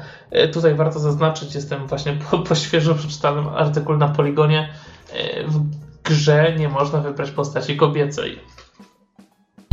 To dobrze czy źle w tym Znaczy- przypadku? Znaczy, to dobrze, bo to jest jakby uzasadnione całą tą e, no jakby konwencją South Parku, bo wyobraźcie sobie, że Cartman nagle zaprzyjaźnia się z jakąś dziewczyną. No nie. To by było nie, niemożliwe, dlatego też Ale z kolei tutaj wetnę się w słowo. Słyszałem, że można stworzyć osobę z rudymi włosami i piegami, z którą też rozmawia. No tak, powinien. ale no wiecie, jednak w South Parku to są jeszcze małe dzieciaki i są bardzo podzielone na dziewczynki i chłopców, tak, więc raczej by to tak bardzo zachwiało fabułą gry. Więc no, może to być pewien problem dla, dla, dla niektórych osób, które by grały w tą pozycję, ale uważam, że jest to jak najlepsza decyzja pod względem konwencji całego e, serialu. Dobra, e, mówiłem, że doznałem szoku. No wiecie, bo oglądam tę scenkę, myślę, że jest prerenderowana i nagle się okazuje, że, że nie. Nagle wchodzi nasza postać, dokładnie tak ubrana, jak, jak ją stworzyliśmy w edytorze i okazuje się, że gra wygląda autentycznie tak, jak sobie bym mógł to wyobrazić. Tu, Czyli jak serial. tu nie ma słabych punktów, tak. Gra wygląda idealnie jak serial, łącznie ze wszystkimi teksturami, jakichś tam papierów i tak dalej, które czasem są używane w tle. Łącznie ze wszystkimi animacjami postaci, wszystko wygląda identycznie, jakbyśmy oglądali serial. I tutaj zł- złudzenie jest po prostu, absolutne, tak? To jest chyba pierwszy raz taka imersja, którą zaświadczyłem grając w grę, że dałem się nabrać, tak? Myślałem, że po prostu z góry założyłem, że to nie może tak wyglądać, a jednak kosmosy, naprawdę. I twórcy Family Guy The Game niech się wstydzą. No zdecydowanie, zdecydowanie niech się wstydzą. Family Aha. Guide The Game to była po prostu kaszana w porównaniu do South Parku. A ja mam pytanie jak gameplay, no bo często jest tak, że masz grę na podstawie jakiejś licencji, filmu czy serialu i zazwyczaj tej gry po prostu nie da się w nie grać, bo są takie, takie nijakie pod kątem tego, jak się w nie gra, pod kątem gameplayu. No i widzisz, tutaj jakby gameplay sam core to jest RPG, y, taki turowy, ale jednocześnie z elementami refleksu, czyli gdy wybieramy atak, to mamy nieograniczony czas, natomiast podczas ataku trzeba w odpowiednim momencie kliknąć klawisz. To bardzo przypomina Paper Mario, yy, z tego co pamiętam. Tam też było coś w tym stylu, że podczas atakowania trzeba było naciskać klawisze, prawda? Czy ktoś z Was grał? Tak, tak, Paper Mario i późniejsze te serie e, Mario and Luigi Saga, czy jak to się nazywało. No to, też to te miało. dwa bym rozgraniczał, bo to troszeczkę na innych zasadach. Ale tam też trzeba było w odpowiednim momencie guzik nacisnąć. Mhm, I tutaj tak samo podczas obrony, jak ktoś nas atakuje, jak naciśniemy w odpowiednim momencie klawisz, to nasza obrona jest wtedy najskuteczniejsza. I powiem wam, że ten system jest bardzo prosty, ale no, no się sprawdza, no bo nie ma w nim nic złego, tak? Jednocześnie wpisuje się tutaj do konwencji y, całej tej gry. I, i, no i pasuje do fabuły, tak, generalnie, bo to, to jest tak, że oni walczą, jest tak naprawdę uzasadnione fabularnie w tej grze, więc nie jest to takie, wiecie, szczapy wzięte, tylko tak naprawdę dzieciaki tak w fabule bawią się w RPGa, więc system RPGowy jest jak najbardziej uzasadniony podczas walki. I... Rozumiem, że wszyscy chodzą w czapeczkach y, magów albo Oczywiście. Tak, takich ale... innych tak, rekwizytach. Tak, głównie tutaj walczymy właśnie z, z wrogimi elfami, tak? No to są po prostu dzieciaki tak naprawdę przebrane za, e, za elfy. Więc jakby ta konwencja sama narzucona przez, przez grę, że dzieciaki bawią się w RPGa, jednocześnie pozwala na realizowanie walk w postaci takich y, taktycznego RPGa i nie ma w tym żadnego problemu. Nie mamy takiego wrażenia nawet, wiecie, że, że jest to sztucznie wprowadzane, nie? Bo jest to zwyczajnie uzasadnione. Powtarzam się, ale no tak jest, tak? No, jest to idealnie po prostu dobrana sprawa. Ale tak, tej walki tak naprawdę nie jest dużo, trzeba przyznać, przynajmniej na początkowym etapie gry. Natomiast dostajemy do dyspozycji właściwie całe miasteczko South Park, po którym możemy sobie hasać w tom i z powrotem. I bardzo fajnie, bo już od samego początku gry można wejść do większości budynków. No, do niektórych nie mamy kluczy, znajdujemy je później. I no i widzimy te wszystkie postacie, które przewijają się w różnych odcinkach South Parka, rodziców, naszych kolegów. Możemy pochodzić po ich domach, wchodzić, yy, wejść na górę, zobaczyć pokoje chłopaków. Słyszałem, że to tak działa, tak wyśmiewając trochę tą konwencję RPGową, że te wszystkie postacie, one stoją w miejscu i patrzą, jak my tam zabieramy różne przedmioty, tak? Czy, czy źle słyszałem? Znaczy, to jest tak, że możemy ze szafek, ze wszystkiego wyciągać co chcemy i nikt nie zwraca uwagi, tak? No właśnie. To, to, tak. to, to, też o tym pomyślałem, to, to jest ten sposób. Ale wiecie co? To znaczy, to jest wyśmiewanie poprzez zrobienie tak naprawdę wszystkiego tak, jak robią to wszyscy. To jest takie tak, trochę... Tak, tak. ta, tak to działa. I faktycznie w tych szufladach znajdujemy wszystko, od jakichś strasznych śmieci, wibratorów, jedzenia, które służą jako mikstury życia, energii i tak dalej. To fajnie, bo czasem znajdują się jakieś takie przedmioty, które po prostu kojarzy się z konkretnych odcinków South Parka, a to jest taka e, tam konsola do gier, e, która się pojawia, a to z jednego z ostatnich odcinków, który parodiował World War Z jest zestaw Brata Pita, Przetrwania. No, tych smaczków po prostu jest rewelacyjnie dużo. Dodatkowo w pokoju każdego dzieciaka możemy otworzyć szafę jakby ta szafa nie jest interaktywna, ale widać w tej szafie różne akcesoria, które ta postać wykorzystywała w różnych odcinkach yy, serialu. No, no jest po prostu miodnie, bo jeżeli ktoś siedzi po prostu, ogląda ten serial, zna te wszystkie elementy, to będzie czuł się od razu jak w domu, tak? Po prostu. Czyli jesteś fanem serialu. Znaczy, ja nie oglądam na bieżąco, oglądam co jakiś odcinek, ale lubię ogólnie, tak? South Park. I, i, no, i, no i pamiętam te lepsze odcinki, fajniejsze motywy i mimo, że, że nie oglądam wszystkich, to chociaż z tych odcinków, które oglądałem, znajduję tutaj nawiązania i chyba o to chodzi w tego typu grze, tak? Żeby jak najwięcej tego serialu upakować tak naprawdę do, do, do produkcji. Mhm. No dobrze, to rozumiem, że gameplay wygląda tak, że podróżujesz po tym mieście, walczysz, tylko właśnie tak nie wiem, gdzie tu powinniśmy zamknąć jakby pierwsze wrażenia, żeby nie wyszła z tego recenzja, co nie? Ale powiedz właśnie, jak ci się gra? Czy faktycznie jest warto zakupu ta produkcja? Znaczy, gra mi się tak, że nie skończyłem nawet pierwszego zdania głównego. Aha. Bo po prostu tak, wsią okay. tak wsiąkłem w wychodzenie po tym South Park, zwiedzaniu po prostu każdego jednego zakamarka, że, mhm. y, że nawet nie zwracam na razie uwagi na tą główną linię fabularną, no, co jest reklamą samo w sobie, tak? Po prostu jestem tak ciekaw, co znajdę dalej, jakie postacie serialu się pojawią w jakich sytuacjach, że, że, że nie mogę się powstrzymać, żeby po prostu chodzić w kółko po tym South Park jest, jest to naprawdę coś świetnego, a poza tym a, zapomniałem wspomnieć, y, klasy postaci. Chyba w żadnym innym RPG nie można było być Żydem wcześniej. O Boże. Przyznaję, że nie widziałem takiego. Można być jakimś tam magiem, złodziejem, kimś tam i Żydem, nie? Oczywiście wybrałem tą klasę. A jak? Ach, no tak, dzieciaki z South Parku, okej. Seems No. legit. M- musiało tak być, nie? No, Mhm. Nie wiem, gra jest po prostu przefantastyczna, ale muszę zastrzec, że jest to gra ewidentnie dla osób, które po prostu lubią South Park. E, Bo tak naprawdę, jeżeli się go nie lubi i nie będzie się chłonąć tych wszystkich smaczków, albo jeszcze tym gorzej się przeciwnikiem tego serialu, to się na pewno nie spodoba ta produkcja, bo ona bazuje na bardzo prostym systemie, tak? Tego y, RPG-owym, więc ym, trudno mówić, żeby grać w tą grę dla systemu RPG-owego, bo no bo no nie, jest, jest masa jest- lepszych, jest masa lepszych na pewno RPG-ów i bardziej rozbudowanych, w które można by było zagrać zamiast South Parku. Czyli Ale słowy jest to jeżeli- tylko dodatek do...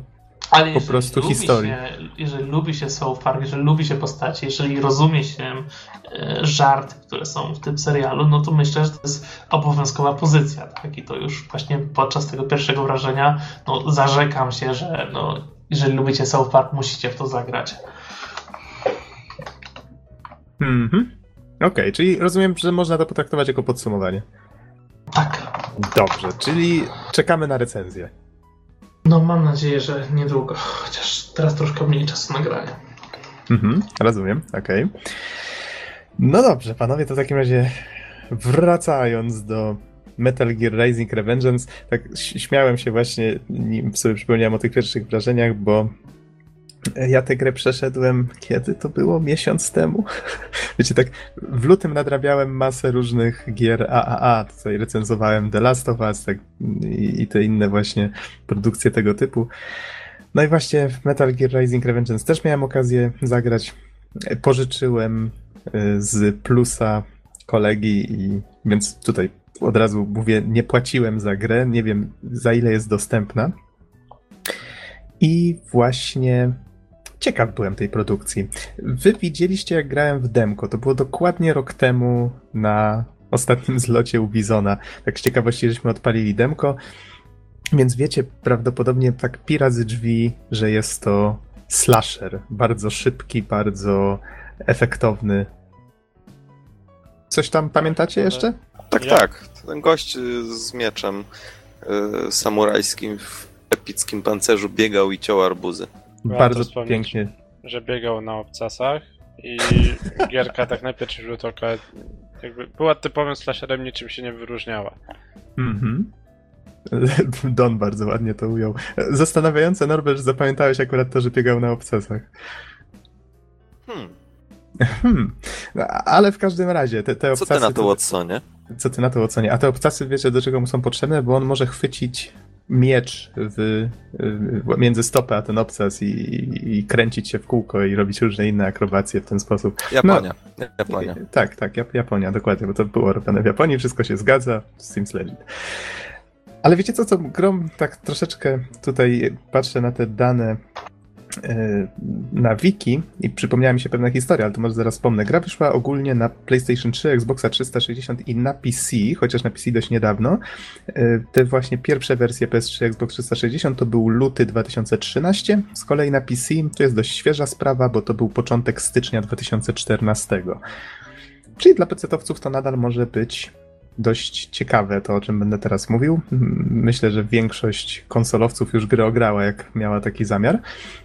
Z kolei ta ciekawostka, o której właśnie chciałem wspomnieć, to to, że y, Kojima Productions, czyli studio Hideo Kojimy, twórcy Metal Gear Solid, czy w ogóle serii Metal Gear w całości, no oni już chyba tak tutaj patrzę na wiki w 2009 y, zapowiedzieli, że powstanie coś takiego jak Metal Gear Solid Rising i to miała być taka gra umiejscowiona między Metal Gear Solid 2 a 4, czyli miała być tak bezpośrednio wpasowana w, ten, w to uniwersum.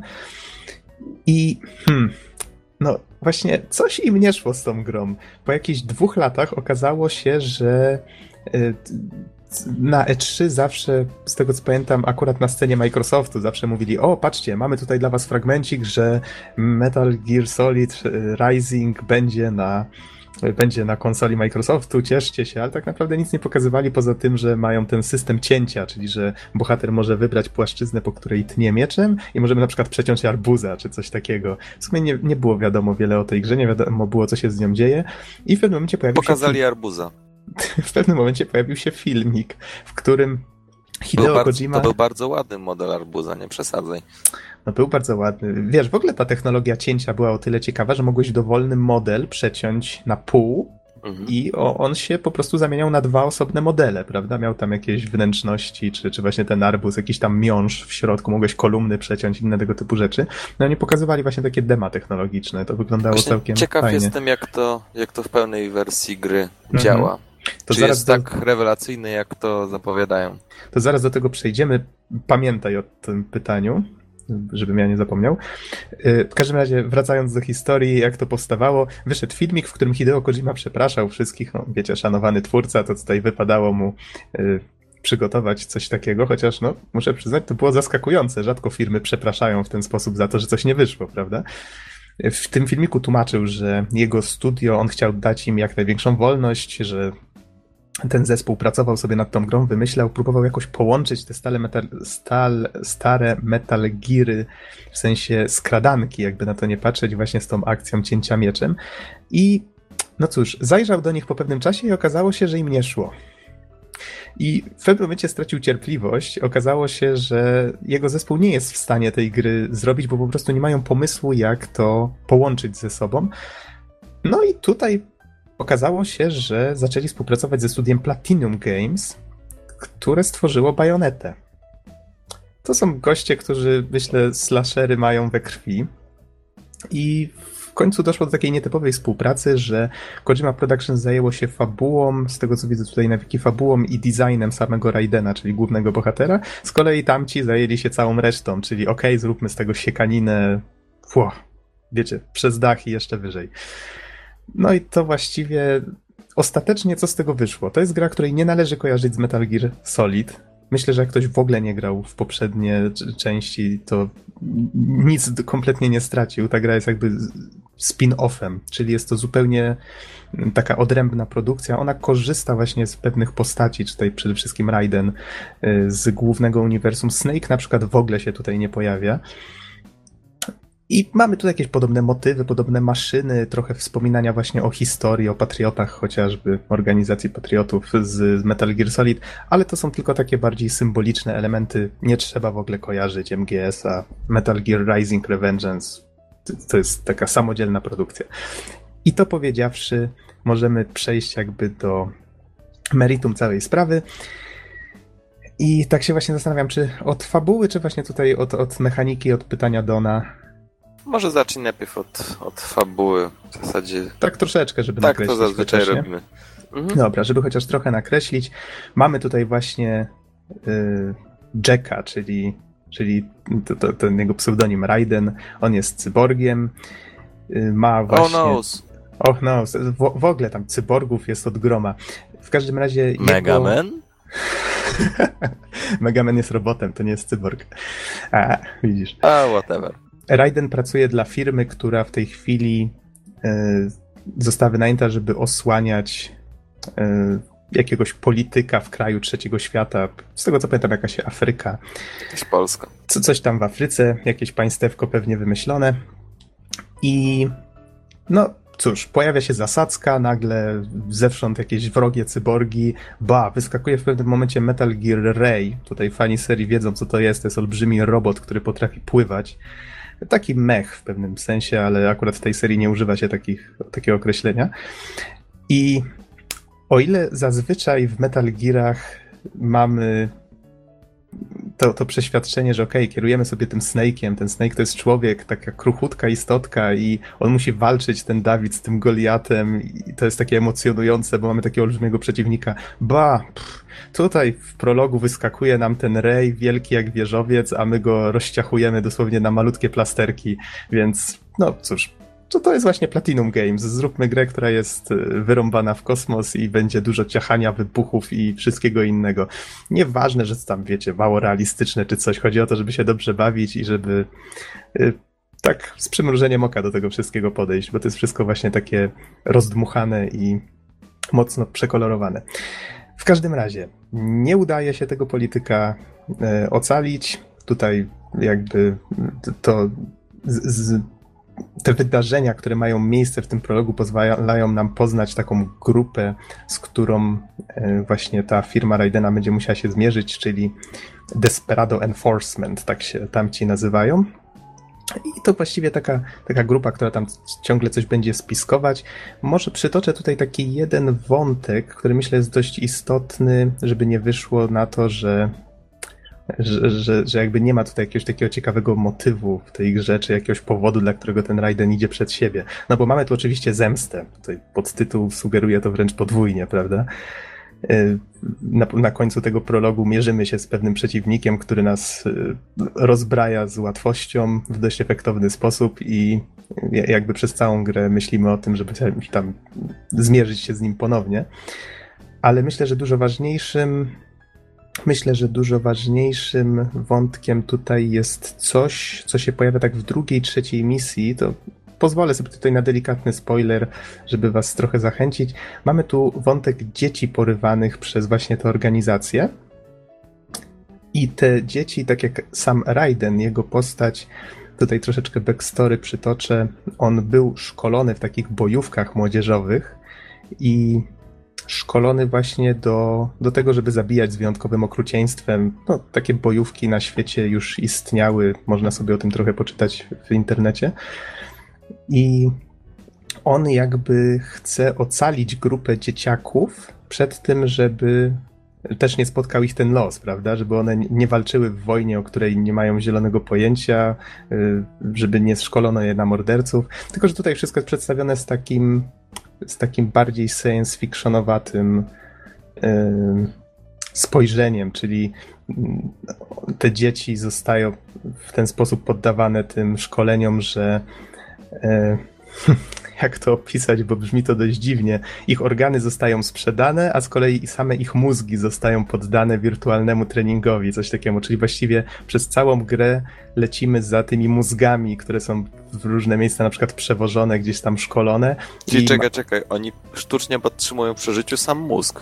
Tak, sztucznie podtrzymują przy życiu sam mózg z oczkami, które tak sobie patrzą we wszystkie strony i te mózgi są poddawane treningowi, któremu nie mogą się przeciwstawić i mamy tutaj właściwie taki wyścig z czasem, czyli mm, wiecie, im dłużej te mózgi są w posiadaniu właśnie tamtej korporacji, tym dłużej, ty, tym no, ciężej będzie odwrócić jakby, prawda, ten proces. Brains. A tak e, całkowicie już yy, poważnie to jakby mm -hmm. w planie złoczyńców jest to, żeby te mózgi potem przeszczepić do jakichś ciał, tak? Tak, bo to Albo tak do cybernetycznych ciał.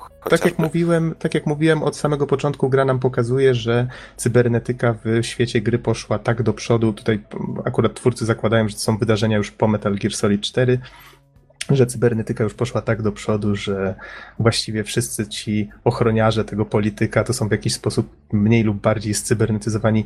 Y, wszyscy główni źli w tym Desperado Enforcement, czyli właściwie wszyscy bossowie w grze, z jakimi się zetkniemy, to też są cyborgi. Niektóre są wręcz strasznie, strasznie dziwaczne, bo no, tutaj walki z bossami są jedną z najważniejszych rzeczy w tej grze, jedną z najbardziej efektownych, więc myślę, że mogę tutaj wspomnieć o tym trochę więcej. Mamy na przykład tutaj pierwszy taki poważny boss, z którym się ścieramy, to jest kobieta, która wykorzystując takie mniejsze roboty, może e, powiększać swoje ciało o kolejne ręce. Wygląda trochę jak bogini Shiva w ten sposób. Ma ileś tam par rąk na przykład i walczy w ten sposób. Albo może łączyć te ręce w takie, e, w taką włócznię, czy coś w tym rodzaju. Szkoda, szkoda, że ręce. Mamy tutaj na przykład gościa, który potrafi e, potrafi się rozdzielać. To właściwie wygląda w ten sposób, jakby tylko jego głowa była organicznym elementem, z kolei cała reszta się trzyma na jakichś magnesach czy innych takich dziwnych rzeczach i wiecie, ręka powiedzmy potrafi odfrunąć gdzieś tam daleko. No i te walki są takie dość nietypowe. Zawsze nie wiemy, czego się po tym przeciwniku spodziewać, jaką taktykę zaraz przyjmie, co dziwnego zaraz e, odwali. Ale to, co mi się najbardziej w tych walkach spodobało, to to, w jaki sposób twórcy muzyką zagrali na emocjach. No, mamy wiadomo, jakiś super fajny motyw, który leci w tle, ale jak walka zmienia na przykład, y, no mamy te fazy, tak jak w starszych grach fazy walki z bossem, że boss zmienia troszeczkę swoje zachowanie, na przykład jak stracimy mu trochę zdrowia, to wtedy muzyka staje się na przykład bardziej dynamiczna, a w tym finalnym takim fragmencie, kiedy to my już przechodzimy jakby do ofensywy, y, wchodzi jeszcze do tego wokal. I to wszystko się dzieje tak, y, linii, tak nie liniowo, tylko tak płynnie, Stopniowo. bez stopniowo, tak. I to tak zajebiście, to tak fajne wrażenie buduje. Mnie się to strasznie podobało. Sprawia, że Bodajże, niby ta sama, ta sama co? walka, ale Mhm. coraz bardziej emocjonująca.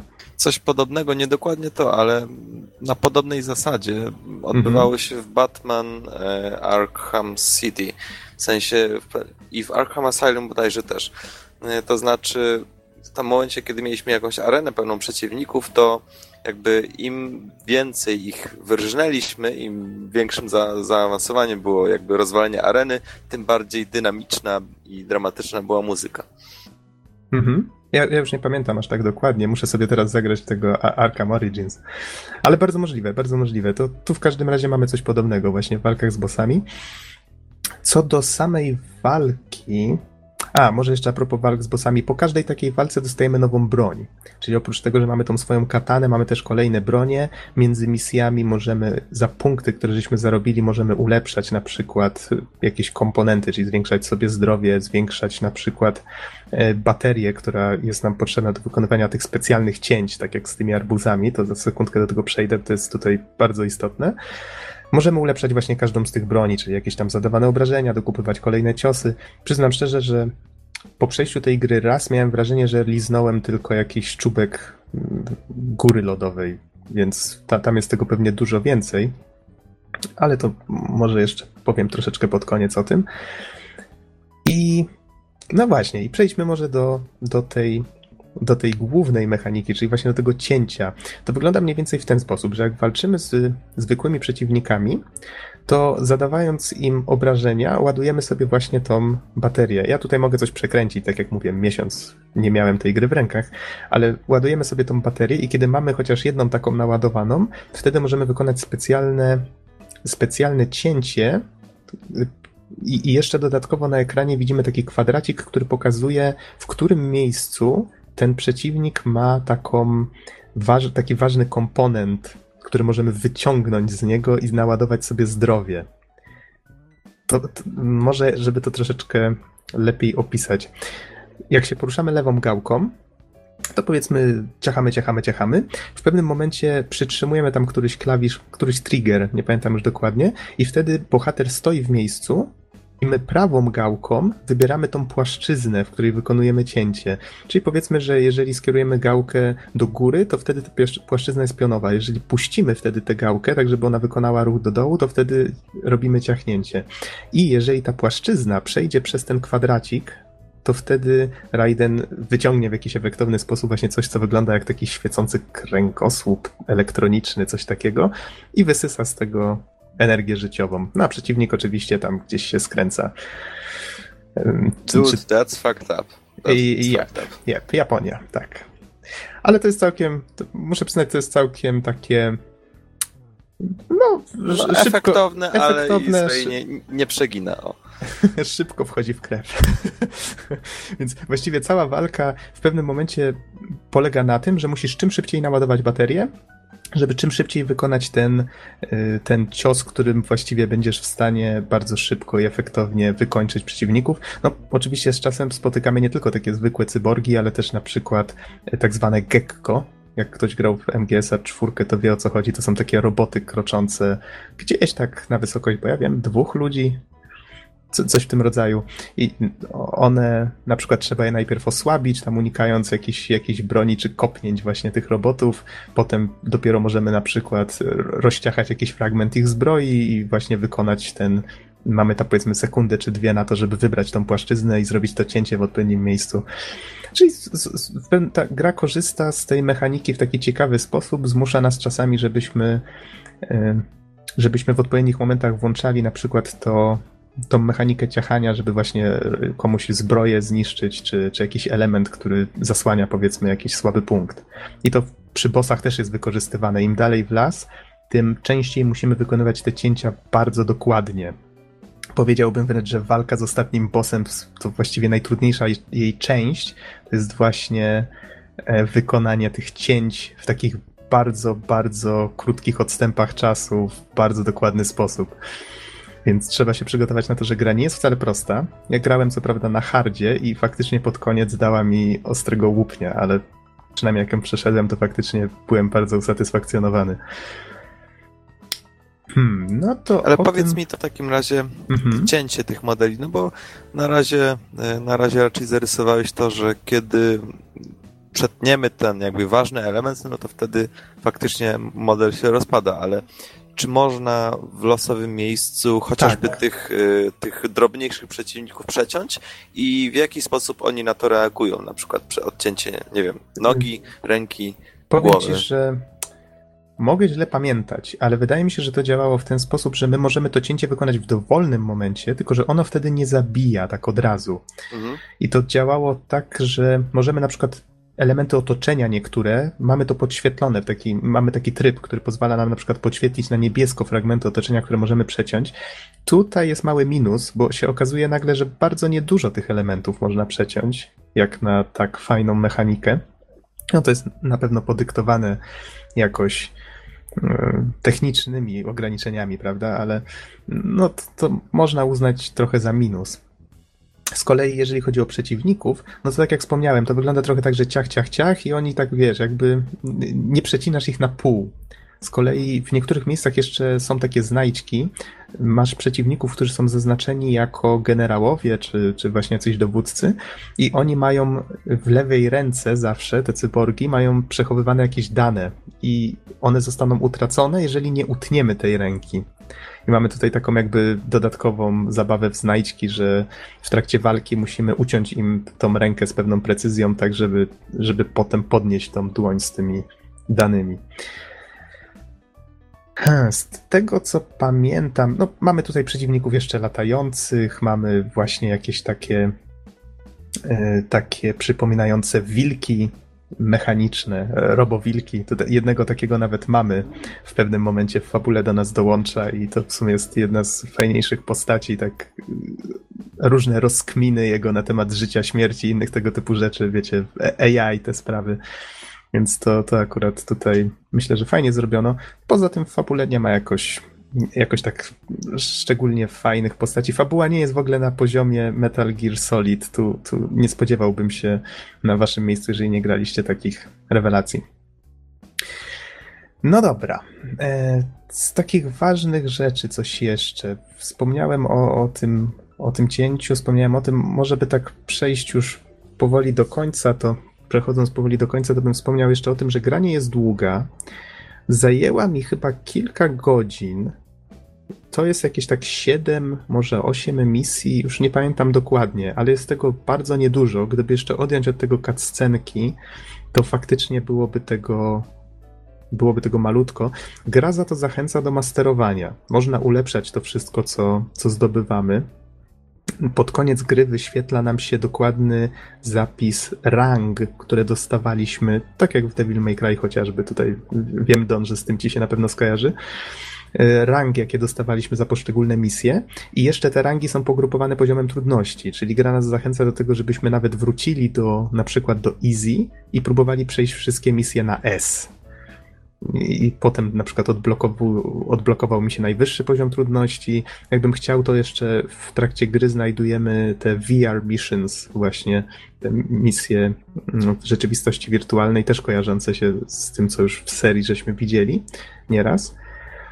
I, I możemy z poziomu głównego menu je przechodzić jako takie misje bonusowe i popijać na przykład nasze czasy, zdobywać właśnie pierwsze miejsca i zaliczać w ten sposób te misje, więc to jest jakaś taka dodatkowa atrakcja, jak ktoś, jak ktoś chciałby spędzić z grą trochę więcej czasu. Jeżeli ktoś chciałby się skupić tylko na trybie fabularnym, no cóż, e, nie wiem, czy fabuła jest na tyle fajna, żeby tylko dla niej kupować tę grę. Z kolei, no tak jak wspomniałem, jest to dość krótkie. Czyli jeżeli ktoś chciałby tylko dla fabuły ją przejść, to, to niech lepiej poczeka aż stanieje. Jeżeli chciałby ją troszeczkę pomasterować i pobawić się z nią dłużej, to przejść na przykład na innych poziomach trudności, postarać się właśnie, żeby e, te, te rangi jak najlepsze zdobywać, no to wtedy myślę, że zakup ma więcej sensu, bo faktycznie można wtedy z grą dużo więcej czasu spędzić.